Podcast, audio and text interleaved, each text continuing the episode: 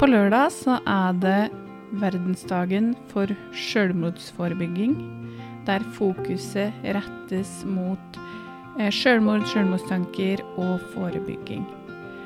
Jeg tenker det er veldig fint å ha en sånn dag. Samtidig så er dette viktig å tenke på hele tida og ha fokus på til enhver tid, ikke bare denne dagen, men også resten av året. For i fjor så var det faktisk 658 mennesker som tok livet sitt i Norge. Og 482 av dem var menn. Og det syns jeg er et veldig, veldig skremmende tall. Og jeg tenker at med mer åpenhet, med et rausere samfunn, da, så kan oss kanskje senke de tallene. For det er jo sånn at det å holde på ting, tabu, stigma, det tar jo liv. Så i dagens episode så er fokuset retta mot sjølmord og sjølmordsforebygging. Nå har jeg vært så heldig å få med Magnus Jackson Krogh i godstolen at eh, vi skal snakke om et veldig tungt tema. Jeg prøvde litt på egen hånd. Eh, det gikk ikke sånn som jeg hadde tenkt. Så da kom eh, Magnus og var den reddende engelen i dag. Velkommen vi, til deg. Takk skal du ha. Vi er jo naboer. Nå har jeg jo vært her så mye. Synes Ja. du, nå syns jeg du er så trygg på meg at det begynner å bli litt ekkelt å være her. jeg skal jo ikke frekventere denne podkasten annenhver uke. Det, var jo, det er jo ikke tanken. Nei. Men uh, jeg syns jo det er hyggelig å bli Jeg sitter jo midt i salg av leilighet. Jeg har jo kjøpt meg villa i Nydalen. Eh, så jeg satt egentlig med det når du sendte melding nå. Ja. Så jeg vet ikke om jeg også kanskje har et litt kjedelig liv for tida som bare kan Jeg er jo småbarnsfar og er tre måneder i dag. Ja, gratulerer. Jo. Det så jeg. Ja, vi er jo så stolt, vet du. Ja. Så, mm, men da eh, Og hun skal ha vaksine og sånne greier i dag. Så jeg skal egentlig holde på med bare leilighet og huskjøp og salg. Ja. Så det passer egentlig Det her er jo et tema som jeg Som jeg har et eh, Ja, det er jo det livet mitt dreier seg om. Ja. For du har jo også skrevet ei bok som heter 'Livet jeg overlever'. Mhm. Kom i fjor. Ja. Og den handler jo om selvmordstanker. Ja. Det, og um, overtittelen er jo Eller hoved... Undertittelen, da, er jo um, en bok om selvmordstanker. Ja. Så hele boka dreides, dreier seg om hvordan eh, det her arter seg. Fra du blir født frem til du er godt voksen. Ja. For når jeg vokste opp, så, så husker jeg at eh, jeg, jeg har ett spesifikt minne over at jeg ligger ute på ei trapp i Kjøllefjord. Faen, det her har ikke jeg sagt. Hva er det med å komme inn på det kontoret her og så begynne å fortelle? Jeg har akkurat sittet og sagt Husk, jeg skal ikke fortelle noe fra mitt liv. Men ja, jeg begynner kanskje å bli trygg på deg òg. Men jeg har et sånt helt tydelig minne som jeg som bare Du vet noen ting. Sitter bare der, liksom. Ja. Så jeg har et veldig tydelig minne. Jeg ligger uh, ute på trappa, og, har, og hele venstrearmen er full av blod. Og så kommer det ei ut på trappa, og så sier hun eh, 'ikke ligg der og gjør deg til'. Og, jeg, og jeg, hun er jo en veldig god venn av meg i dag. Til, til og med i dag. Jeg er forferdelig glad i henne. Ja. Men når jeg vokste opp, så var det her med selvmord og, og det å skulle ta livet sitt, det handla om oppmerksomhet. Ja. Det var ikke en, en psykisk lidelse. Det var ikke noe på samme måte som egentlig i dag. Man tar det ikke noe alvorlig. Man tar ikke det så For man nekter å tro at noen man kjenner, eller seg sjøl, kommer til å ta livet sitt. Det, jeg tror det, det er noe som er veldig vanskelig å ta inn over seg. Og min jobb når jeg reiser rundt i Norge, jeg møter jo veldig mange foreldre som har mista ungene sine til selvmord. Ja. Og du vet, livet deres er ødelagt. Det er i ruiner. Er. Ekteskap går fløyten. Em, mange blir jo ufør Mm. av at ungene sine tar Så det er et For meg, i mitt liv Det er mange ting som er viktige, og så er det mange ting jeg later som jeg bryr meg om, og så er det noen ting som jeg virkelig brenner for, som han Magnus brenner for. Ja. Og det er temaet selvmord. ja. Ja. Og der er jeg helt enig med deg, for jeg har jo også eh, Jeg jobber jo mye med dette her, med folk som også har selvmordstanker.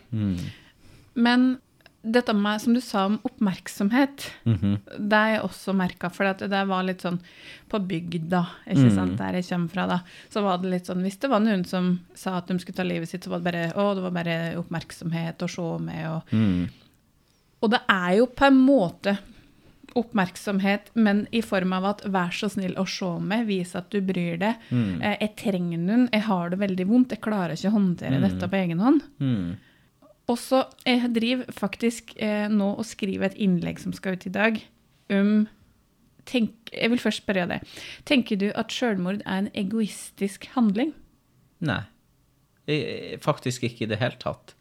For når du kommer til det punktet, så er det egentlig ikke noe annet som betyr noe. Nei. Sånn at eh, det Mitt mål med å prate om Så jeg får gåsehud når jeg prater om det. Jeg har så mye jeg vil si om det. Um, mitt forhold til selvmord, altså handlinga, utførelsen og de tingene der, da er du så psykisk syk uten at du egentlig kan se det Du kan ikke se det på dem. Det er ikke sikkert du merker det engang. At um, det handler ikke egentlig om deg sjøl lenger. Det handler om sorgene og smertene dine og bare det. Rett og slett bare det. Det er og det er ingen lett utvei. Det er, ikke, det er egentlig, For mange så er det ikke et valg engang. Det er bare det mest naturlige i verden at det er det som skal skje. Ja. Det vet jeg veldig godt Ja. i, fra mitt eget liv.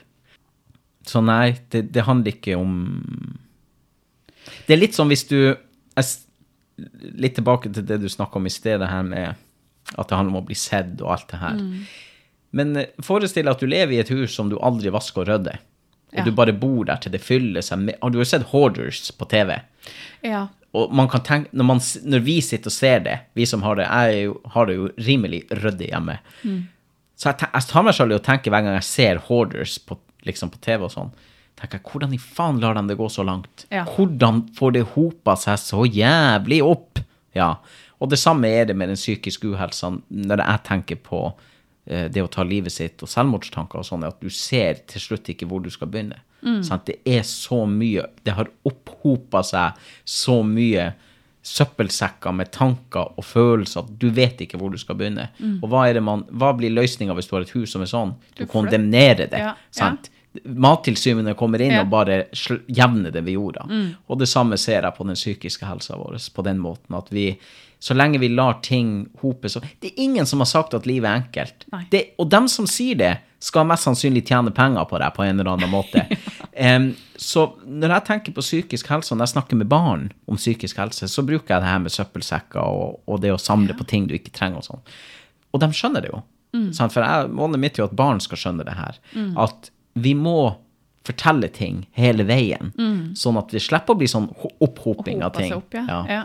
Så når du kommer til det punktet at gjennomførelsen skjer, så handler det bare om at det er ingen utvei. Det er ingenting. Det er, ingen som kom, det er ikke plass til besøk. Nei. I et sånt hus så kan du ikke få familie og venner på besøk. Nei. Skjønner du? Så Det er et veldig fint bilde på det. ja, er det ikke det? Jo. Ja. Jeg brukte lang tid for hvordan skal jeg forklare psykisk uhelse for Ja. barn. Og søppelsekker er veldig For unger skjønner det å rote til rommet sitt. Ja. Jeg kan jo bruke rommet deres som et eksempel. Det er ikke plass til mamma og pappa å komme inn der engang. Så det er så viktig at vi går ut med søpla jevnlig. Ja, så fint. Mm. Og jeg tenker jo, i forhold til egoistisk handling, da, så hadde du spurt meg, for dette skrev jeg om i stad, eh, og så måtte jeg stoppe meg sjøl, for det går veldig inn på meg. Mhm. eh, men hadde du spurt meg når jeg var 22 år, så hadde jeg sagt ja uten å blunke engang. At det var egoistisk? At det var egoistisk. Mm. For det var jo det, den, ti, eller den, den dagen da, når min bestekamerat tok livet sitt, så tenkte jeg bare fy fader, at du kan gjøre noe sånn. Mm. Og tenkte at det var veldig egoistisk, for jeg hadde på en måte ikke Nå i dag så har jeg jo mer kunnskap, eh, jeg har flere år på baken, ikke sant, så jeg har mer forståelse for den der, det mørket som du på en måte ikke kommer deg ut av, da. Mm.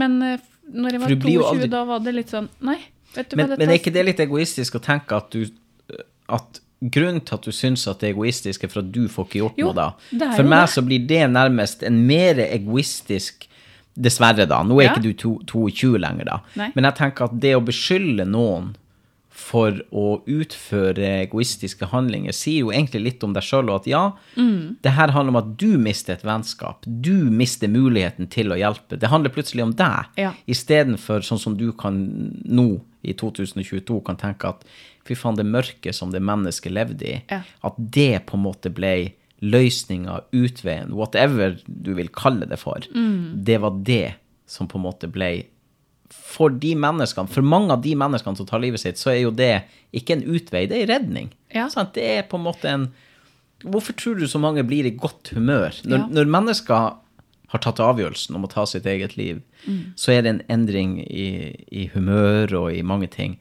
I godt humør. Man har for forsona seg med at OK, Mange kilo som lettet av skuldre. ikke sant? Og så er det bare snakk om ti dager, Mm. altså ikke ti stykk dager, men tid og noen dager, kanskje Mm. for mange noen år òg.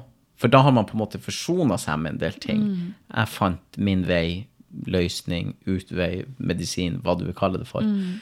Eh, og det kan man forsone seg med. Og det er jo det som er fælt oppi alt det her, er at mange som forteller sine historier, em, som tør å fortelle sin historie, hvor ungene eller brødre eller noen har den, den er, og den der siste tida med han eller hun var så fin, Ja. var så godt humør, og vi gjorde det, det vi likte å gjøre, se på film, eller gå tur, eller vi for på sommerferie, eller vi lekte sammen, eller hva det var. Og, og da var det jo heller ikke noe tegn på at Nei, det var tvert noe imot. galt. Tvert imot. Ja. Det blir på en måte en, en uh, ja. Men, men tenker du for å da fange opp litt sånne ting, da, hvis en ikke vet at noen i nær krets eh, har selvmordstanker eller noe sånt, men du merker at de er litt sånn eh, nedfor, litt sånn tilbakeholdne, isolerer seg litt, og så plutselig så snur det veldig, og det blir litt sånn livsglede. Er det et litt sånn varselstegn, tenker du, eller? Jeg vet du at jeg, jeg tror aldri vi kommer til å Jeg skjønner at folk jobber med det daglig, og at folk vil finne ut og forske på og holde på, men vet du jeg tenker alltid at vet du, det er så hver enkel. Ja. Sant? Det er så hver enkel. Så jeg, jeg tror man skal være veldig forsiktig med å påstå noe som helst. Det er, og, og mitt, min, mitt arbeid ligger ikke der. Det ligger ikke på faresignal eller sånne ting. Det ligger egentlig på å prøve å legge et grunnlag, altså en holdningsendring til temaet, hvor at vi kommer dit at det blir Kanskje ikke normalisert, det tror jeg det aldri blir, men at vi, vi har i hvert fall lagt en sånn grunnstein for at dersom man føler at ting ikke er greit, så, kan, så skal man tørre å si noe om det. Og man Ja. skal vite hvor man kan henvende seg for å gjøre det. Sant? At ikke Det kan være og ofte et menneske du ikke kjenner, som kommer til å bli redninga di. ikke sant? Og da tror jeg vi er nødt til å, å si til barn og unge og, og eldre, for det, det er stor um, store tall, og mest sannsynlig enorme mørketall for de eldre som tar livet sitt. Det snakker vi jo aldri om. Vi tenker ikke at en bestemor eller bestefar kan ta livet sitt. Akkurat som vi vil ikke tenke at barn gjør det, og barn gjør det jo i stor grad. Og der er jo min jobb. Når jeg reiser rundt i Norge, så er det jo barn og selvmord jeg snakker om ofte. Når jeg snakker med bestemor og sånn, og hun kanskje forteller at ting ikke er så greit, for vi er jo en ganske åpen familie, så får jeg virkelig vondt i meg, fordi at jeg vet ikke hvordan jeg skal svare henne, for hun er snart 80 år. Og hun har jo mange gode år igjen, og du vil jo ikke tenke at eldre går og venter på å dø, eller i verste fall kommer til å ta sitt eget liv. Så, Og det er jo den derre ensomheten som på en måte øh, og så er det masse sorger, ikke sant? Ja. Eldre går jo ofte sier, Nå snakker jeg ikke om alle, når jeg sier eldre, så mener jeg mange jeg møter og prater med. Så er det liksom, de fikk, Livet ble ikke som de hadde tenkt. Drømmer som brast. Mange sitter jo igjen med, med minner etter krigen, ikke sant? Og det er så det er så mye der ute, sånn psykisk uhelse vi ikke, som vi aldri tenker over. Og dessverre så er det sånn at de gamle blir ofte stua bort, og har ikke et, et um, nettverk. Og kanskje gubben er gått bort, eller kjerringa er gått bort, de sitter mye alene. Sant? Og, Kanskje ungen ikke har, er i stand til å ta vare på dem, eller altså, at de, de de kommer ikke på besøk engang, for vi lever i en veldig hektisk hverdag. Ja. sant? Som jeg snakka om i en annen podkast her, at eh, vi kjeder oss jo ikke lenger. sant? Nei. Og den, den tida man kanskje kjeda seg før, hadde man stukket til bestemor eller bestefar eller mor eller far på besøk. da. Ja. Men den tida blir nå fylt av Netflix og andre ting. Ikke sant. så vi snakker ofte om selvmord som om det er en spesiell At det er unge eller ungdommer eller ja, tidlig voksne, da. Men det her er jo Selvmord angår oss alle. Det gjør. Uansett nesten hvor vi er i livet, så Og dersom noen tar I 2019, jeg bruker 2019-statistikken, for jeg tror ikke 2020-2021 er helt uh, rett Nei. etter koronaen og sånn kom. Men i 2019 var det 6, uh, 650 mennesker som tok livet sitt. Um, og hvis, da kan du triple det tallet da, hvis du tar med mor og far, altså hvem det her går utover, da, Ja, på ja. en måte. Og har du søsken, så fire- eller femdobler du det. Og så har du bestevenner, seks, sju, åtte, ni. Så det, det angår så mange. Hvis ett menneske tar livet sitt, hvor mange er ikke det det vil få en effekt på? Og hvis det er 650 mennesker i det, landet, i det lille landet her, hvor stor, hvor mange tusen mennesker er det det har en effekt på? Ja. Så hvorfor snakker vi ikke mer om det? Hvorfor er det alltid sånn at for eksempel, En av de tingene jeg brenner veldig for, og vi skal ikke snakke om det, men er jo menneskehandel. Det er rundt oss overalt. Og ingen vi, vi snakker ikke om det. Vi snakker ikke om menneskehandel. Nei. Fordi at det er for røft å snakke om, og vi vil ikke tro at det angår oss, eller at vi har møtt noen, eller at vi kjenner noen som Ja, men det gjør vi, mest sannsynlig. For det er så stort. Menneskehandel er en av de største industriene i verden. Og ikke så langt unna her vi sitter nå, så var det altså ei 13 år gammel russisk jente som var låst inn i ei leilighet, litt sånn lik den her Lilja Forever-filmen. Jeg vet ikke om du husker den? Ja. Ja. Det var nede på ja, over bygda her. Som var inn, og der kom det altså folk innom og betalte for sant? Og vi, vi, vi liksom det har, ikke, det har ikke stått engang i avisen. Eh, Ringsaker Blad og Hamar Arbeiderblad og Oppland Arbeiderblad. Det har ikke stått der engang. Så jeg tenker, hvor redd er vi for å ta tak i de her tingene? Det- fikk skikkelig frysninger. ja, det er feil historie, men jeg er veldig Menneskehandel er noe jeg er opptatt av. Altså, jeg, jeg syns det er For jeg så Lilla Forever når jeg var 11 eller 12 år, og jeg ble traumatisert av den filmen. Jeg, jeg, jeg klarte ikke å forstå Jeg trodde det var Når jeg så det den gang, så så så vi jo filmen og skjønte ikke helt alvor, og så fikk vi vite etterpå at det her var en sann historie om ei jente som ble flytta fra Russland til Malmö for å Ja, hun ja, ble solgt da. Ja. Og, og så så jeg jo Lilla Forever på nytt igjen etter jeg fikk vite at det her var jo ordentlig, på en måte. Ja.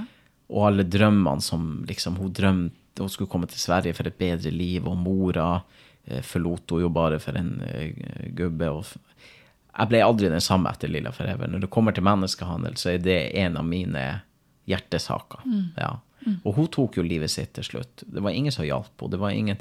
det som er litt sånn finurlig med den filmen, er at når hun endelig slipper fri, og klarer å komme seg ut av denne leiligheten hvor hun blir misbrukt, så tar hun livet sitt. Ja. Og det for meg er liksom en sånn Du kan komme deg gjennom det røffeste i livet. Komme deg ut av det, og så oppdager du hva det har gjort med deg. Og det klarer du ikke å leve med. Noen har gått over noen grenser på den du er, og får deg til å betvile din identitet og den du er. Og det kan få konsekvenser. Du trenger ikke i utgangspunktet å være eh, verken sjuk eller deprimert eller noe, men at man tar, mange tar livet sitt i affekt, altså, eller i em, Ja. Ja, og så det Det handler jo også om dette med forskjellen på å ville fysisk dø og det å fjerne seg fra det vonde, da. ja. For det er jo mesteparten av dem som kanskje tar livet sitt, er jo dette med å fjerne seg fra det vonde. At de vil jo ikke på en måte fysisk dø og ligge under jorda alltid. Men det handler om at livet er for vondt. Jeg, Ja, jeg overlevde ikke. Jeg tror vi skal være litt forsiktige med å si mesteparten, for det at som jeg sa til deg for en stund siden, at det her med forskning og statistikk og sånn, det, det, det, det går ikke jeg på. Nei. For vi må snakke med hver jævla Ja. enkel en av dem. Så, så jeg er mer sånn vi, vi, Det er mange grunner til at folk tar livet sitt. Og det Men trenger tror- jo ikke bare være psykisk uhelse. Nei. Og jeg tenker, jeg er enig med deg i at mange tar nok livet sitt mer fordi at man vil fjerne smerte, at det er smertelindring, sant? Men jeg tror vel så mye så er det Det bor så i dem, og det har vært der så lenge, Ja. at egentlig så vet man at dit skal jeg. Ja. Uten å egentlig være psykisk syk, men at du har på en måte forsona deg fra veldig ung alder om at det er den veien det går. Og da sier du ingenting, og du er kanskje ganske komfortabel med det. Før så Jeg var, så, jeg var deprimert i så mange år at til slutt så var det nesten tryggere, det. Enn å skulle jobbe for å få det ordentlig bra. Og ikke visste jeg var ordentlig bra var heller, så, så er jeg litt sånn Ja, det er så mange grunner til at uh, folk gjør det, gjennomfører det. Og så er det bare dem som, bare dem som lever med tankene om det. At Ja. man er litt uh, Når jeg bodde på Gjøvik for mange år siden, så, så brukte jeg å sitte på trappa. Når kjerringa gikk og la seg, så jeg fikk jo, fikk jo aldri sove. Det var så mye tanker og ting. Så gikk jeg ut på trappa, og så satt jeg og så på, på stjernen. Eh, flere timer kunne jeg sitte der. Og jeg husker frostrøyken sto vet du, og frøys, og- men det var noe behagelig med å sitte der og bare kikke opp på, på stjernehimmelen og, og stjernen og lure på hvordan det skulle vært der oppe og se ned, da. Ja. Og det kan jeg fortsatt gjøre. Jeg kan fortsatt sitte og se på stjernen. Um, nå, nå har jeg kjøpt hus langt oppe i ingenmannsland, hvor det er helt mørkt på kvelden. ja. som skal kjøpe det, um, den stjernekikkerten og sitte og se. For jeg lurer på det av, hel, av mange grunner. Men når, når du, hvis du ser for deg jorda og ser ned, da, hvor små problemene er, hvor komplisert vi gjør allting hele tida, Ja. som, som igjen gjør at vi, vi, vi mennesker er jo vi, vi, vi driver og, og gjør alt så komplisert hele tida med vei... Faen, hvis du kjører noen jeg har tatt lappen nå, hvor komplisert man har gjort bilkjøring. Ja. Det burde egentlig være enkelt å kjøre bil, sant? men man kompliserer det fordi at vi gjør ting i bilen vi ikke skal gjøre. Tar opp telefonen, holder på, det blir strenge regler. Eh, vi vil ha høyere fartsgrenser, for vi stresser med å komme oss fra plass til plass. Eh, vi kompliserer ting for oss sjøl. Og jeg tror ikke menneskehjernen er skapt for det. Jeg tror at vi ja, jeg tror vi har, Det er derfor jeg ofte drømmer tilbake til hvor fantastisk hadde det ikke vært å leve på Se bort fra krigen på 40-tallet. Eh, eller i, sånn som når Titanic i 1912. Da var, Titanic var jo det, det største som var lagd. Det mest luksuriøse, og så går det jo til helvete, selvfølgelig. Så hvorfor fortsetter de? Hvorfor Ja. fortsetter utviklinga? Jeg skjønner at vi skal utvikle, men, men med utviklinga så kommer det også um, ting som vi mennesker ikke er skapt for å gjøre og drive med, som tror jeg ødelegger oss en, en god del. Nå er jo ikke selvmordsstatistikken gått nå opp, men det er jo et større antall menn som Ja. tar livet sitt enn det det var før.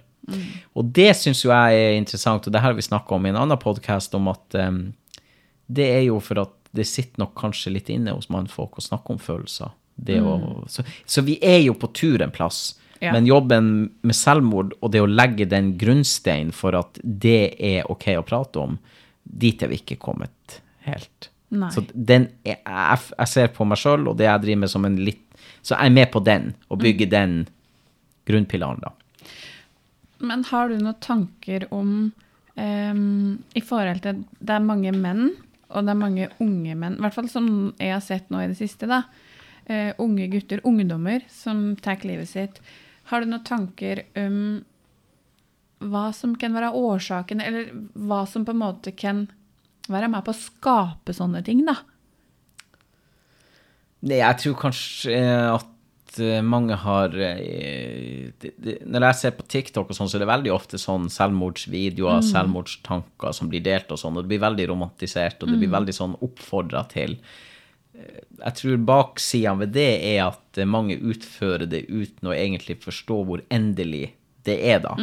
At man tenker mm, at man bare skulle prøve, og så gikk det faktisk, sant. Man Eh, så, så jeg tenker i den tida vi lever i nå, så nå er ikke jeg så veldig mye på internett på en måte lenger. For jeg, jeg, det er så mye. Men jeg tror at det er en voksende trend om at det å ta livet sitt er litt sånn eh, får sånn stjerner i boka av det, da. Ja, så var det jo den filmen som, eller den serien som kom, Ja. 13 Reasons Why. Ja. Den skapte jo en litt sånn sjølmordsbølge, Ja, det kan jeg forstå, for den Ja. var veldig det, Vi snakker om å romantisere ting, og vi må skjønne at det har en effekt på, på unge mennesker. Ja. Sant? De har jo ikke utvikla konsekvenstenkning. nei, sant. Det er nettopp det at man skjønner ikke hvor endelig Nei. det der er. Og at når man gjør det av de grunnene, Mm. og er i, i sine fulle fem, på en måte, da, så er sjansen for at du klarer å gjennomføre det større enn hvis du er så psykisk syk at ikke du klarer å tenke rett. Skjønner du hva jeg mener? Så uansett om det høres litt feil ut, så er ikke det så veldig borti natta.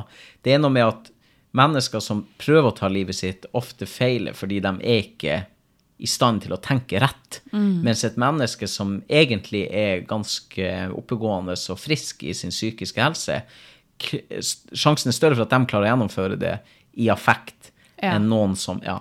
Så jeg, så jeg, jeg Helvetes internett, altså, ofte, tenker jeg. ja. Fordi at de er Dessverre så må man si at med internett så det følger Det er en pris å betale der for at man gjør de her tingene så svære. At TikTok er blitt så svært, da.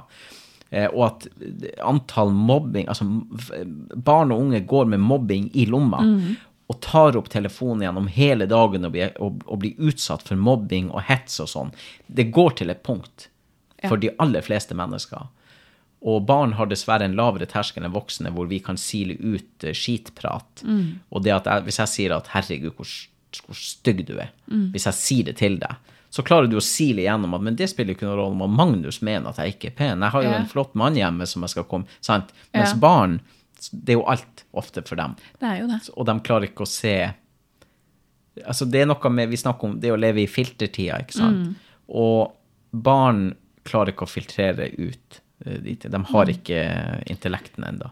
Og så blir de jo fortalt via internett og via apper at eh, sånn skal du være, sånn Mm. skal du se ut, dette er Altså dette er greit å si til folk. Jeg ser jo eh, på TikTok veldig, veldig mye mobbing. Og Ja, det er ikke bare på det- TikTok. det- altså det er Det, tik, TikTok er verdens største app her i dag, men TikTok har mye av skylda. Jeg for, jeg er imot TikTok. Jeg er der sjøl. Ja. Men jeg er der for å bare kontrollere folk som legger ut ting av meg. Ja. Fordi at jeg har nulltoleranse hvis folk For nå er det sånn TikTok legger Hvis jeg gjør noe her ute, skal parkere bilen og gjøre det feil, eller hva det er for noe, så er det plutselig blitt sosialt akseptert at noen filmer det og legger det ut på TikTok. Det er ingen som stopper det. Det er ingen som, som sitter der inne og siler de her videoene. Jeg kan filme deg når du går og handler på Rema, og legger det på TikTok og driter deg ut, og du får ikke gjort noe med det. Og, og det her er Husk at det er jo ikke unger som har lagd de her appene. Det er jo voksne, intelligente folk. Men, men TikTok genererer så mye reklame.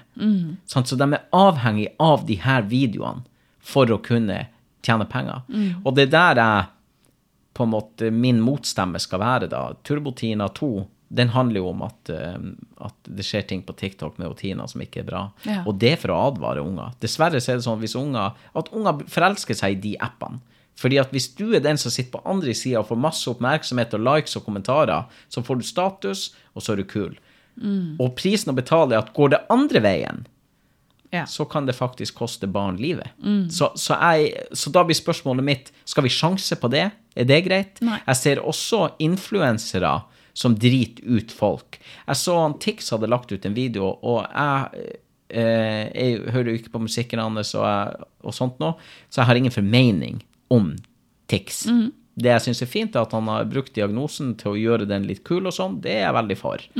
Eh, samtidig så er jeg ikke så veldig for mye av de tekstene i låtene hans, hvor han bruker et språk som, som er Jeg får kjeft for min bannskap. Mens jeg var på Han spilte jo på Dokka camping. ja. Og da var jeg der, og da var det jo flere barnefamilier der. Som står og synger liksom 'I kveld er det lov å være hore'. Står med besteforeldrene og synger. Jeg tenkte bare hva i her? Hvorfor er det ingen som stopper det her, tenkte jeg med meg sjøl. Så litt Ja. Men nå er jeg fra Finnmark, så samme det. I hvert fall, så jeg har ikke noe formening om han. Men så la han ut en video, for han var, tok et vanlig fly.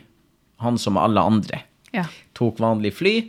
Eh, og så satt han og filma seg sjøl mens du hørte en baby som skrek i bakgrunnen. Og du hørte at babyen hadde det vondt. For babyen var sikkert ikke så gammel og var i fly. Det kan ha vært mange grunner. Kanskje det var kolikk. Og nå er det barnefaren Magnus som kommer inn i bildet her. Ja. Ehm, og så sto noe sånn Når du trodde ikke eh, Når du trodde ferien ikke Eller når du trodde Et eller annet sånn når du trodde ikke det kunne bli verre Ja. så må du enda sitte og høre på en baby som griner. Men, og da tenkte jeg meg sjøl, det her nå, På ett sekund klarte han på en måte å vise en del av, av den han er. Sant? Bak fasaden, bak eh, den her eh, kåpa si og alt det her, så får du liksom et glimt bak om at han, han eh, Altså, jeg, jeg tenker det. Det er ikke sikkert jeg har rett, men jeg tenker at det her er Vi er bare mennesker, alle sammen. Å sitte på fly og høre babyer som griner, er helt forferdelig, men det er liksom hva du bruker stemmen din til. Ja. Å drite ut en familie som sitter bak deg, som kanskje følger deg også, som har brukt pengene sine på deg på konsertbilletter og på T-skjorte, og kanskje sønnen i huset ville ha sånn bånd som du har, sånn, og så sitter du og driter dem ut. Og svært få reagerer på det. Vi legger Vi syns Altså, vi Egentlig så oppmuntrer vi til det. Vi oppmuntrer også andre til å gjøre det. Og da ved å klikke like, ved å legge inn en artig kommentar, ved å ikke si 'er det her greit', så sier vi samtidig at det er greit, på en måte. Så hvis vi tror det er bare barn som mobber andre barn på TikTok, det er godt voksne, smarte folk som, vok som mobber barn og unge. Ja, og når jeg sier mobbe, så mener jeg at altså, for å kalle noe for mobbing, så må det foregå over tid og på en viss måte. Men når du legger ut en video, så ligger den videoen der. Den forsvinner ikke. Så på nytt og på nytt er det noen som kommer inn, flirer av det, legger igjen en kommentar. Da mener jeg at det er mobbing. Det er ikke sikkert det er det på papiret, men jeg mener at hvis du legger til rette for at nye folk kan komme inn og se, latterliggjøre, kommentere, så er det mobbing. Eh, I sosiale medier er det mobbing. Hvis, hvis, jeg, ja, hvis vi hadde gått på samme skole og jeg hadde kalt deg for feit, så er ikke det mobbing. Da må jeg gjøre det dag etter dag. Ja. Jeg må nesten forfølge deg. Og liksom holde Det er vel mer eh, Hva er det? Uh, Drittslenging. ja, dritt, ja, drittslenging, ikke sant. Man bruker det ordet fordi Ja. at eh, det sårer, liksom. Ja. Men det er ikke mobbing. Det må foregå over tid, og det Ja. må være av en viss karakter. Så mobbing i sosiale medier er, er noe annet. Altså, Mm. for der Det forsvinner ikke. Hvis jeg filmer deg, Karina, når du driter deg ut i et basseng, og jeg legger det ut, så er ditt liv ødelagt. Mm. Ja. For det forsvinner ikke. Noen Faktisk. kopierer det, og det, og det bare går og går og går. Ja. Så, og ikke tror at, jeg tror ikke mange voksne skjønner heller at det skjer, at det blir der. Jeg tror ikke voksne folk heller tenker over at ja, nå, nå skal jeg legge ut denne videoen, fordi det blir artig i fem minutter. Og så glemmer dem som legger det ut, de glemmer det av. Men dem det angår, og den videoen, det Ja. bare fortsetter. Når du Ja. har logga av, så bare fortsetter og fortsetter og fortsetter. Så, ja. Så jeg, kort sagt, jeg hater TikTok. Ja. Mm. Og eh, jeg er delvis enig med det. Og så er det, er det litt sånn derre Veldig avhengighetsskapende med Mm, TikTok. Jeg merker det at når du begynner å scrolle, og så er det noe med videoen som gjør at du Plutselig så sitter du her, og så sitter jeg et kvarter og bare scrolla Mm. Ja. på ingenting. På ingenting. Du har Ja. ingenting igjen for det. Nei. Nei. Kanskje du har noe igjen, eller vil si, hvis barn gjør det, så har de noe igjen. De kan sitte igjen med en, en følelse av at de er alene, at de eh, ikke er sånn som dem de sitter og ser på. De sitter igjen, sånn som vi snakker om det her med å filtrere ut. Barn kan sitte og scrolle en halvtime, og sitte der og føle seg kjip. Ja. Det trenger ikke du å gjøre. Da kan du bare se på nyhetene, og du har glemt den halvtimen, liksom. Ja. For barn så kan den halvtimen faktisk være mellom liv eller død. Dessverre. Så det er noe med hvordan mitt hode tenker på det. Sånn som du sier nå, at ja, så er det på en måte borte. Men for meg så stopper det ikke der. Nei. I min jobb, min jobb som jeg har påtatt meg sjøl, er å ikke glemme den halvtimen som, eller kvarteret som gikk til å scrolle. Det å faktisk å skjønne og tenke og spekulere i hva kan skje med et barn på det kvarteret. Sant? Og det, Ja. det er mye, altså. Det er et kvarter for et barn er veldig mye, da. Det er jo det. Og så i tillegg så har jo også kanskje da barn og ungdom mye forventninger og, og krav og press både altså på sosiale medier og sånne ting, men også fra skolen. Og det er, det er på en måte Presset har blitt lagt litt mye på barn. Barn får på en måte ikke muligheten til å være barn lenger. Nei. Og der tenker jeg også kunne være med å påvirke i forhold til selvmord. da. Ja, klart det er det. Barn blir latt, overlatt til seg sjøl. Mm. De får en mobiltelefon, og så er det deres ansvar på mange mm. måter. Og hvis du spør eh, foreldre Jeg har jo vært veldig på det her med å legge skylda på foreldrene. Fordi det er foreldrene sitt ansvar. Ja. Jeg kan ikke gi henne vesle med en telefon nå i ti år og sier 'her, klarer jeg sjøl', jeg må vite alt som mm. foregår. Og så er det mange foreldre som sier 'nei, jeg skal ikke snoke'. Nei, men det er jo faen ikke det du gjør. Hvis det er en tiåring, så passer du på, ja. Ja. Du snoker ikke Nei. på en tiårings telefon. Ei dagbok, ja, kan, da kan jeg si litt mer at du snoker mer, fordi at Ja. ei dagbok er en plass du skriver opp dine innerste tanker og følelser. Eh, på en telefon så Der så er det, det, det, det, er to, to Ja, veier eller tre veier. Det er flere ja. kommunikasjonsformer der inne. Men, men nei, du snoker ikke, du passer på. Og hvis du ikke tar den jobben alvorlig, så skal ikke du gi ungen din en telefon heller. Nei. For med en telefon følger du med et enormt ansvar. Det det. Du hadde ikke gitt en tiåring sin egen hustelefon heller. Sant? Så ikke gi dem en mobiltelefon hvis ikke du har tenkt å sperre den for ting som er skadelig. For Ja. det som er når jeg ofte når jeg møter foreldre, så sier jeg snakker vi om TikTok. Jeg tar alltid opp TikTok. Mm.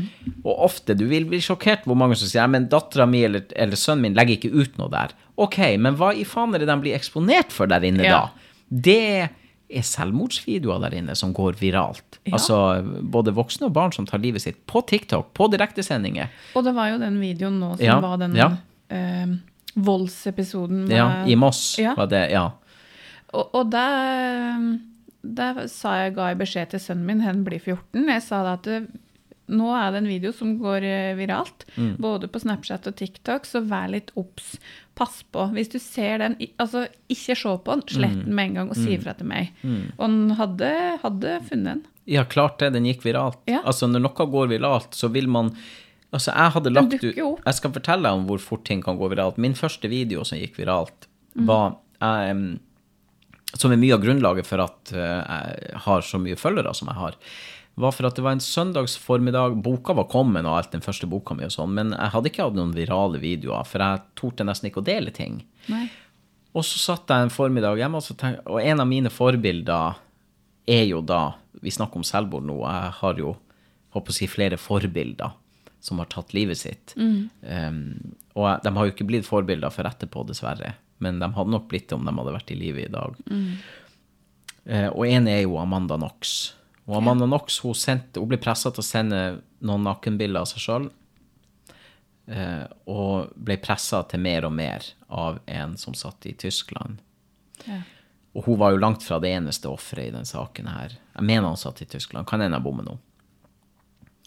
Og de ble sendt rundt på skolen. Hun var kjempeflink å synge. Hun var eh, Altså, når man ser videoklipp av Amanda Knox uh, nå Nei, Ama, no, Amanda Todd. Amanda Knox hun, det, er en true, det er en true crime-sak, beklager. Oh, ja, okay. Amanda yeah. Todd. Uh, så hun sendte, hun sendte jo flere bilder, og sånn, men så til slutt sa hun nei. Og hun var jo ei jente som var full av humør, hun var flink å synge, veldig utadvendt, og hun ble beskrevet som en, en humørspreder av rang. Ja. Men eh, hun tok til slutt livet sitt, og så kom jo alt det her frem, da. Og før hun tok livet sitt, så laga hun en video hvor hun satt og holdt frem sånne lapper. Hvor det står 'Mitt navn er Amanda'. Og det gikk jo viralt. Og i og med at hun er en av mine eh, forbilder, så tenkte jeg at eh, jeg skal gjøre det samme. Men jeg skal, gjøre det, jeg skal gjøre det på en litt annen måte. Så jeg satt og filulerte en søndagsformiddag på hvordan jeg kunne gjøre det her. Og så satt, og så satt jeg og skrev de her lappene og la ut på Og så filma jeg det, og så skulle jeg og kjerringa kjøre til Sverige for å handle. Så jeg la den videoen ut sånn på formiddagen en søndag i 2015 eller 14. 14 var det vel. Og, når vi, og så kjørte vi fra Gjøvik, og når vi kom til Kongsvinger Det er vel to timer, tror jeg, fra Gjøvik til Kongsvinger, Ja. cirka. Da ringte TV 2. Og så, ja, snakker med Magnus Jackson Krogh. Ja, ja. ja, videoen din er jo sett av over en million mennesker. Altså, på to timer hadde en million mennesker sett at jeg holdt opp de lappene. lappene. Ja. Million mennesker da var en fjerdedel av hele Norge på to timer. Ja. Og da var ikke den videoen begynt å gå viralt ennå. Så noen dager etterpå så var det jo da syv millioner, altså fire millioner flere enn det bor, bodde i Norge på denne tida, som hadde sett den videoen. Så vi, det å gå viralt med noe er alvorlig. Fordi at det er det er en viss prosent som syns det er greit, så er det en viss prosent som ikke syns det er greit, og så er det alle dem som hater deg fordi at du får det til, at noe har gått viralt. Og det er dem som kommer til å fortelle deg hva de mener. Ja. Det er ikke den som liker deg, det er ikke dem som hater deg, det er dem som egentlig ikke bryr seg, men bare er sjalu. Ja. Og de har ingenting godt å si om det. Så når, når mennesker og barn sitter og legger ut ting som går viralt daglig, altså eh, barn som danser i litt lettkledd, så kommer alle dem imellom inn og sier fy faen hvor stygg du er, herregud for en klesstil du har, Ja. du er altfor tynn, du er altfor tjukk, du kommer aldri til å klare det, du ser sånn og sånn ut. Og det kommer, det kommer kommentarer hvert eneste sekund Ja. inn på en video som går viralt. Og ser for deg da at du er 12-13 år og leser om kroppen din, leser om det du har på deg, og kanskje du, når du la ut videoen, var kjempestolt, så kommer det noen inn som egentlig ikke bryr seg, og som aldri, du kommer aldri til å møte dem. De bryr seg ikke om hvem du er. Ja. De skal bare spy ting imot deg. Det er mye for en 12-13-åring å håndtere, altså. Så når ikke, når ikke foreldre skjønner det, hvor svært det er, så skal de ta ifra unger mobiltelefonen og slette TikTok og si hvis du, hvis du laster inn TikTok på nytt igjen, så Men det er det som skjer. Unger legger ut, og barn og voksne legger ut ting nettopp for at det skal gå viralt. Og når det går viralt, så kommer det Det følger med et, en konsekvens. Og den klarer de ikke. Så når, når jeg besøker barneskoler og så snakker jeg jo om det her med å gå viralt. For Ja. det er det de drømmer om. Det om å ha noe som går viralt. Ja. Men eh, man skal være litt forsiktig med hva man ønsker seg. For når jeg hadde lagt ut denne videoen med de lappene, som var den første videoen som gikk viralt, så um, For det første så var det et sånn Jeg hadde ikke snakka om ADHD til noen før. Jeg hadde ikke vært så ærlig og sagt at jeg har blitt kalt for idiot og kalt for alt mulig. Altså, jeg hadde ikke vært um, så spesifikk. Nei. Men denne videoen så la jeg jo alt på bordet. Jeg sa alt bare på to minutter. Ja. Og så fikk det så mye hets som det gjorde. Og så det, så det var noen dager der For det var jo hele tida. Den bare ble større og større og større, og større, og større, og til slutt så satt jeg på God morgen Norge. Så den, den bare vokste så jævlig svært. Ja. Og ble delt. Jeg hadde dansk og svenske, jeg var jo i dansk og svensk avis, ble invitert til, til eh, Danmark på sånn uh, morgenshow og ikke sant. Det var ingen andre som hadde snakka om ADHD. Det jeg var den første. Og der klapper jeg meg på skulderen ofte og sier 'jeg var den første'. Ja. Og det er klart at når du er den første til å gjøre noe, så får du mest da. Du får mest hat, og du får mest kompliment, og ja. Så jeg Ja. Men jeg lurer litt på hva som skjer i huet på dem som sitter der og skriver sånn. Altså, ja, det er misunnelse og sånne ting, men eh, hvordan, hvordan i rene verden kan vi få til å stoppe Altså, ja. Du får ikke stoppa det, du må svare dem. Jeg har funnet ut i etterkant at jeg svarer mange av dem. Ja. Så hvis hun eh, Karen, jeg liker Ja, Karen, ja. sure jævlene, kommer inn og sier Fy faen, du er så frekk, du er så stygg i kjeften, så går jeg inn og sier Så går jeg inn og svarer dem. Mm. Og da, kan det, da skjer det to ting. Enten så syns de det er kult at jeg svarer dem, for de bryr seg jo egentlig ikke. Nei. Så syns de det er litt stas.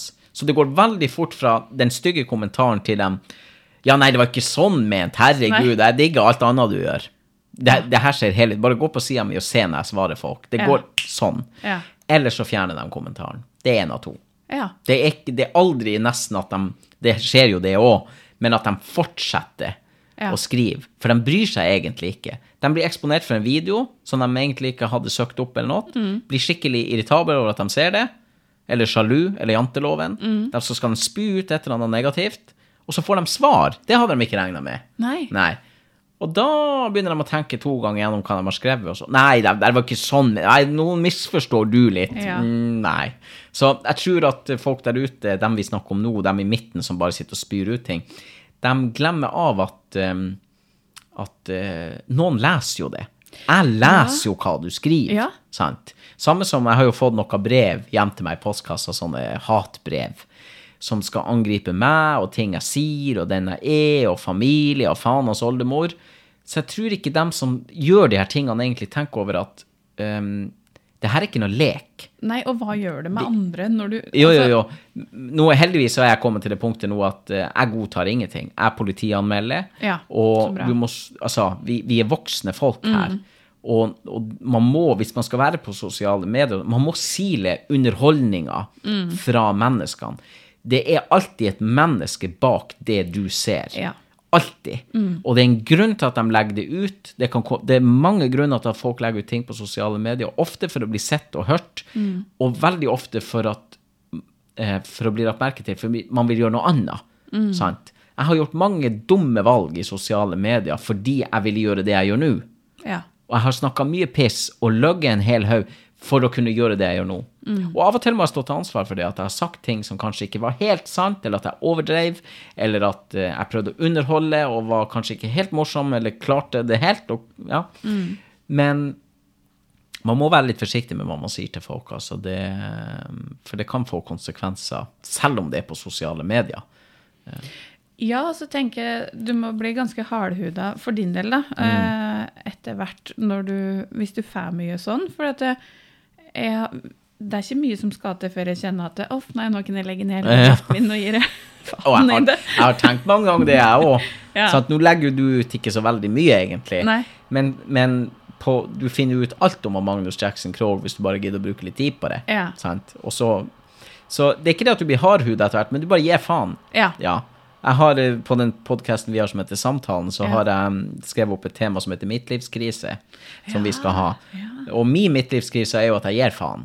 Ja. Så vi skal snakke om det i en annen podkast. Men, men jeg er kommet nå til det punktet i livet hvor, eh, hvor jeg bare gir faen. Mm. Jeg bryr meg ikke, rett og slett. Jeg sover så godt om natta, og jeg gjør det jeg alltid drømte om at jeg skulle gjøre. Og hva folk måtte mene, synes eller tro, vær så god.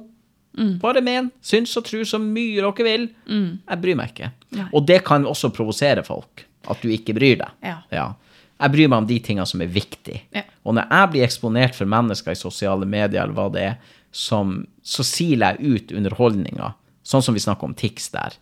Han underholder. Den Tix egentlig er, det vet ikke du.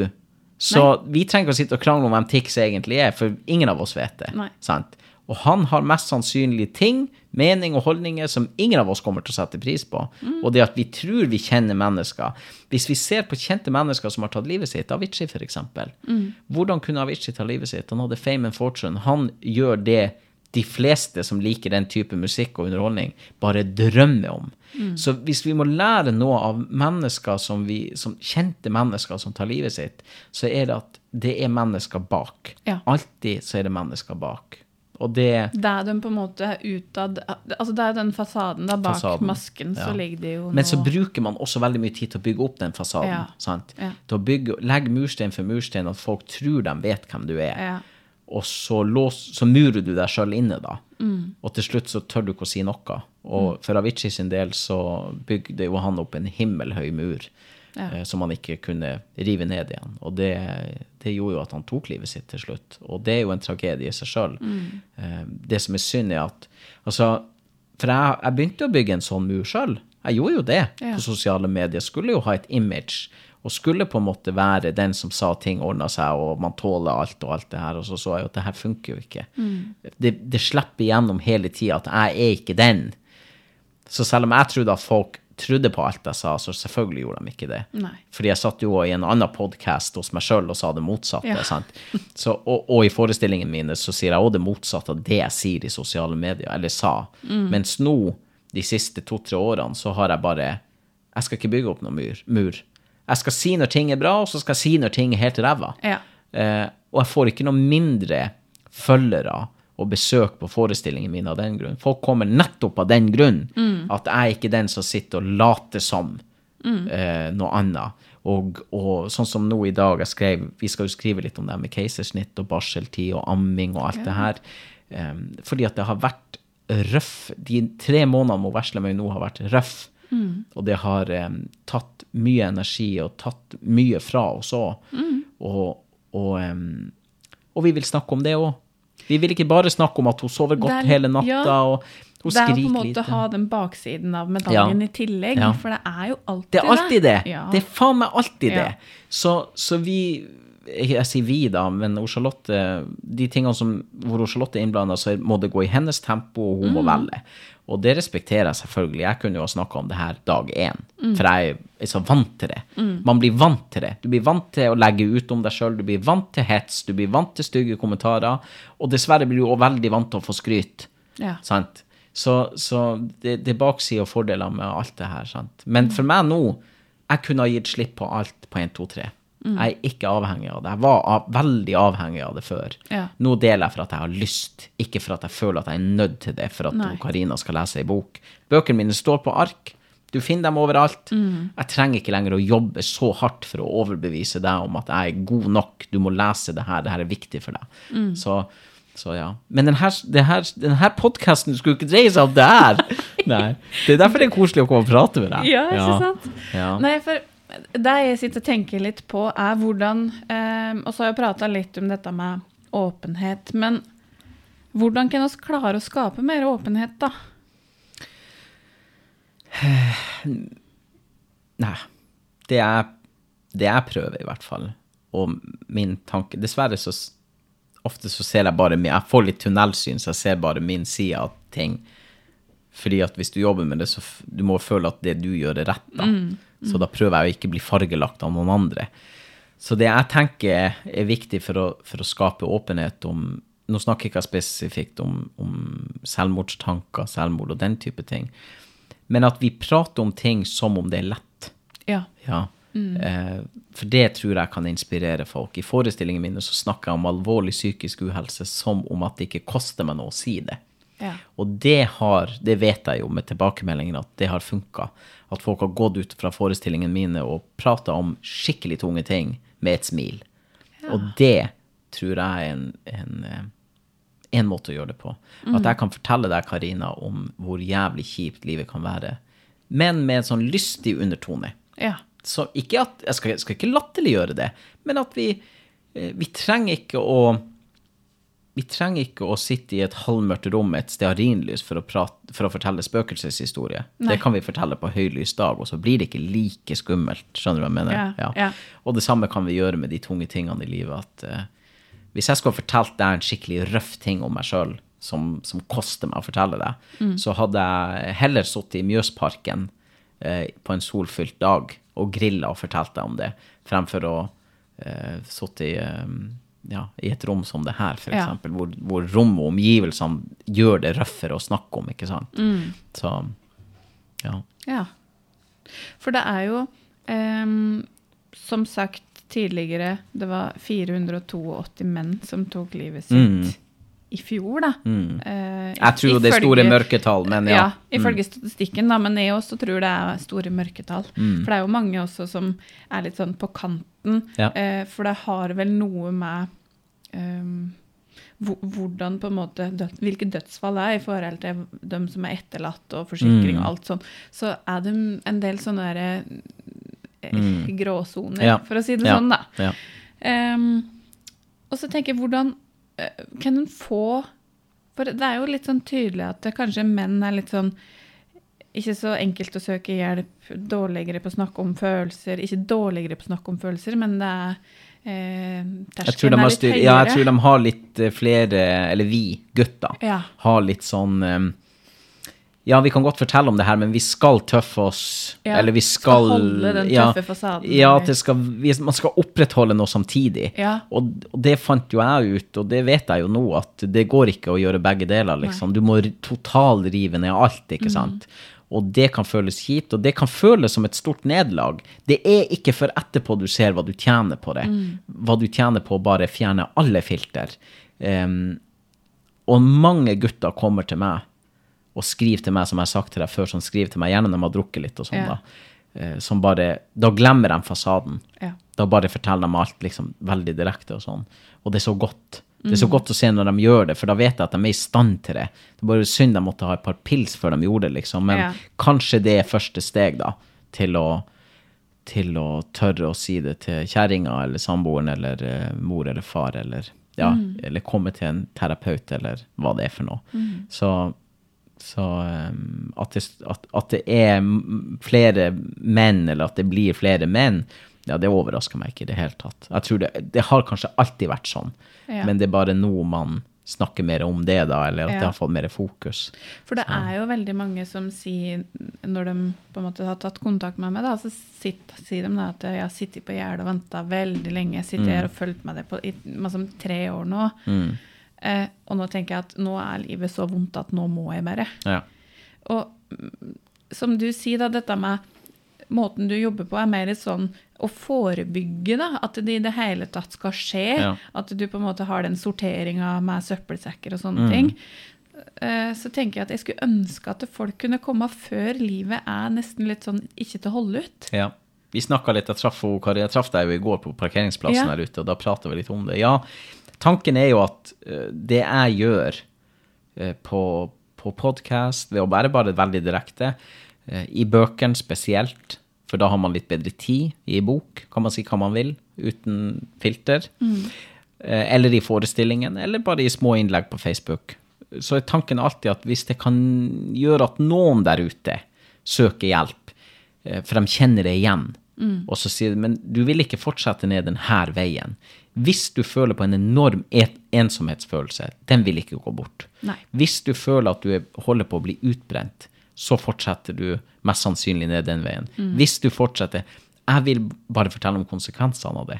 Livet jeg overlever, handler om konsekvenser dersom du ikke Og det er dyrebar erfaring jeg sitter Det er derfor jeg har jobben min. Ja. Det er erfaringen mine. Og hvis du spør meg om ville du, Hvis du kunne gjort ting om igjen, ville du sittet med de erfaringene? Nei, det ville jeg ikke ha gjort. Nei. Mange av de erfaringene jeg har gjort meg, blir jeg aldri friskemeldt fra, på en måte. Det vil alltid henge der. Det vil alltid fargelegge livet mitt til det negative. Eh, Det er ikke alt som ordner seg. Og derav tittelen 'Livet jeg overlever'. Ja. Noen ting blir aldri bra. Noen ting blir du aldri helt frisk av. Dessverre. Hvis du spør folk som har vært i, spilt amerikansk fotball og fått ødelagt og fått 100 hjernerystelser, ville du gjort det på nytt igjen? Aldri i livet. Ville aldri valgt den karrieren på nytt igjen. Så, så det er litt med det at det, det er prisen å betale for å ikke skaffe hjelp. Og dessverre så mister vi mange på veien som ikke tør å stoppe karusellen. Eh, og dessverre så er, det, så er det mange som aldri kommer seg i arbeid igjen. Mange som aldri ja, mange som aldri får et bra liv igjen, da, eller så bra som de kanskje kunne ha hatt. Så eh, inspirasjon er jo alt. Det er liksom Absolutt. Hvis du har et ark med alt jeg bedriver, alt surret og alt sammen, nederst så står det inspirasjon og to streker under. Ja. Sant? Så alt Det er bare kaos, alt jeg driver med, men inspirasjon er på en måte svaret da, på Ja. alt. Og vi kommer Vi skal ikke undervurdere inspirasjon. Hvis, hvis vi kan tenne en gnist eller så et frø, eller hva du vil kalle det for, mm. for at noen skal kunne skaffe seg hjelp, eller forandre litt på livet sitt, eller kutte ut noen destruktive ting, eller hva det er, så er det hvis, hvis mitt skakkjørte liv skal få en verdi, så, er, så får det en verdi i det jeg ser at noe av det jeg har gjort, sagt eller vært igjennom, kan forandre noen andre. Det er så god følelse, det, vet du. Det er derfor jeg fortsetter med det jeg gjør. Ikke sant? Så inkludert eh, et røft tema som selvmord. Og jeg, synes, jeg, jeg kommer ikke til å glemme den der beskrivelsen du har, altså måten du snakker med barn om det på. Dette med å, ut, passe på å gå ut med søpla innimellom. Det er veldig fint. Um, og så tenker jeg dette med å snakke med folk helt sånn på slutten nå. Eh, dette med å snakke med folk som har selvmordstanker, da. Ehm, har du gjort deg noen tanker litt sånn om Hvis noen kommer til deg og sier at du og er åpen og ærlig og sier at eh, du, jeg har tanker om å ta livet mitt, eller jeg har selvmordstanker, hvordan du kan møte den personen? Du, vet du hva? For meg så er, så er temaet Derfor jeg var litt sånn Nesten så jeg håpa du ikke skulle ringe i dag. Fordi at jeg har et så avslappa forhold til det her temaet. For jeg prater om det hver eneste dag. Jeg lever med det hver eneste dag. Ja. Så for meg er det like lett å snakke om selvmord som hva jeg skal ha til middag. Ja. Og det kan virke litt ufølsomt. Men sånn er det. Hvis du lever med de her tingene, så blir det, det er en del av livet ditt og den du er. Og, og hvis noen der ute som hører på nå, lurer på hvorfor jeg snakker om det her, sånn her, så kan de lese Livet jeg overlever. Der vil du finne alle svarene på hvorfor denne podkasten er så lett for meg. Ja. Men så når jeg møter folk, så grunnen til at folk tør å fortelle meg, er for at de vet, og har mest sannsynlig enten sett forestillinger eller lest bøkene mine, så de vet at de kan si det til meg på den måten. Og alltid så drar jeg frem psykiatriske sykepleiere, Ja. for jeg er veldig glad i dem. Eh, For dem eh, Ja, jeg er veldig glad i den tittelen der. Og det er jo selvfølgelig pga. Hilde Kragebøl og alle de årene vi hadde i lag, for det var hun som fikk meg til å snakke om det. Først foran hun, så foran litt sånn familie og venner, og så foran publikummet mitt. Ja. Og, og hun la et eh, sant? I alle de årene vi reiste rundt i lag, så, så litt etter litt så fant jeg måten å snakke med henne om det på, og så kunne jeg fortelle andre om det. Og, um, og det har jo gjort alt. Så en, ja. man kan Altså, hoved, hoved, altså poenget er bare å begynne å snakke om det. Ja. Man, og så har det ofte en dominoeffekt. Det ser jeg jo på alt jeg snakker om. Ja, og så tenker jeg kanskje um, Det jeg tenker er veldig, veldig viktig, er at den som Når noen deler noe med deg, eh, det er at andre tåler det du kommer med. Når du skal dele noe med noen, Ja, og du ser det er at de ikke tåler det. det er kanskje viktig å snakke med noen som, som har erfaring med det. Altså ikke, Ja. Du trenger ikke å, å, å eh, legge de her tingene frem på middagsbordet til noen som ikke har, vet hvordan de skal takle at du sier de her tingene.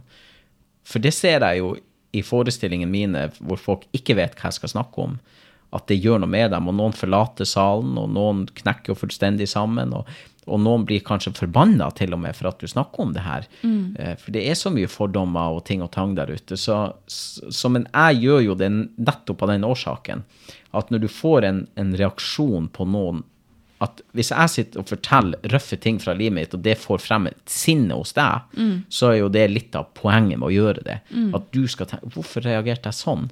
Hvorfor Ja. hadde jeg en sånn Hvorfor ble jeg kvalm og uvel? Hvorfor fikk jeg gåsehud? Ja, hva skjer i ja, meg nå? Hva er det som foregår i meg? Så, så, men det er jo, jeg er jo vant til å snakke om det, så det er en stor forskjell fra når du, har, når du er vant til det, Mm. frem til når du skal dele det første gang. Så tenker jeg at uh, førstegangsdeling burde vel kanskje skje med noen som, som har god erfaring med det og vet hvordan de skal stille deg spørsmål. Ja, eller, eller en kompis eller en venninne du kanskje er Ja, trygg på, ja. som du vet du noen kan du stole trygg på. Ja, der jeg- Enten noen som har lang erfaring, eller noen som du er trygg på, som, som, eh, som kjenner deg godt.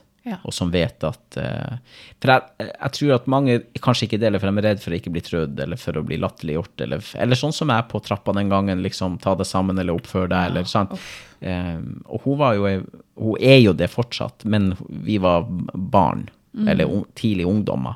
Så hun skjønte jo ikke alvoret i det. Det gjør hun jo den dag i dag. Så, men, men eh, ja, at man kan si det til noen som som kjenner deg såpass godt at de vet at hvis du forteller dem det her, så er det fordi at det er alvorlig, og at det er en stor ting i livet ditt. da. Ja. Tusen takk, Magnus, for at du ville bli med. Du redda monologen min i dag, for å si det sånn. Men det er, ikke, det er ikke så lett å prate med seg sjøl. Er. Og når jeg gjør det, så blir det ofte veldig mye skitprat. Ja. Så jeg, men, men jeg er veldig glad i den måten eh, i min i livet, eh, livet som det heter, som min podkast heter. Ja. Og vi er der også nå.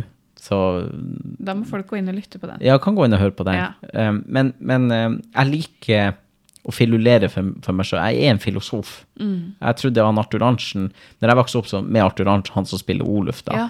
så var jo tittelen hans filosof. Og jeg visste ikke at filosofer kunne være morsomme, og at de kunne finne løsninger bare ved å prate høyt til seg sjøl. Men det har jeg funnet ut at jeg òg kan. Ja. Funnet mange løsninger bare ved å prate høyt til meg sjøl. Så det er jo også en, et godt tips, er å snakke høyt til seg sjøl. Altså ha Ja. en høylytt samtale med seg sjøl. Ja. For det er veldig rart hvor forskjellig tanken du har i hodet, Mm. og det du faktisk mener og tror og sier høyt, det er to forskjellige ting. Ja. Så selv om du tenker ting, så er ikke det en realitet. Og så er det litt sånn, hvis du skal si det du tenker, så blir du litt sånn Hæ? Ja. Hva var det jeg sa nå? Ja. Og det, jeg syns jo det er interessant. For mange andre vil jo kanskje synes at det er sinnssykt å gjøre det. Men det er Hvis du gjør det på bussen eller Ja, det er klart. Du, treng, du trenger ikke å gjøre det høylytt uh, ute blant folk. Men eh, hvis du sitter på rommet ditt eller på kontoret eller hvor det er, Mm. utrolig hva, hva som kan ramle ut av kjeften på deg. Mm. Og hvis du vil høre hva som ramler ut av min kjeft, så kan du høre podkasten min. Den heter Livet Mm. med Magnus Jackson Krogh, der du hører dine podkaster. På em, søndag, Ja. på samtalen på vår podkast, Ja. eh, så skal vi prate om eh, kjærlighet. ja. Ja. Det er litt sånn mer lystbetont tema enn det. Ja, jeg vet ikke det, for vi prater jo en del om egenkjærlighet. Og det er jo selvfølgelig noe som det her òg går under, egenkjærlighet. Ja, det å passe på seg sjøl. Så jeg må si at jeg trodde jo når vi lagde den podkasten på mye rot, men eh, det, det kommer faktisk frem en del eh, viktige ting der òg. Så bra. Så kan man høre på den òg, hvis Ja. man vil. Oppfordrer alle til å lytte på Samtalen, som er podkasten som jeg og du har sammen. Mhm. Tusen takk for at du ble, eh, ble med på denne podkasten. Mm. Eh, lørdagen så er det jo, som jeg har sagt tidligere i podkasten, da verdensdagen for eh, selvmordsforebygging. Veldig viktig dag, men også husk på at det er viktig å snakke om selvmord hele tida, ikke bare én dag. Mhm. Helt enig. Mm. Det er en viktig dag, og det, det er fint at vi har dager som markerer sånne her ting som folk sliter med, men for meg så er det verdensdagen for selvmord hele året. Mm, absolutt. Yes, vi snakkes, Magnus. Det gjør vi. Ha det. Ha det.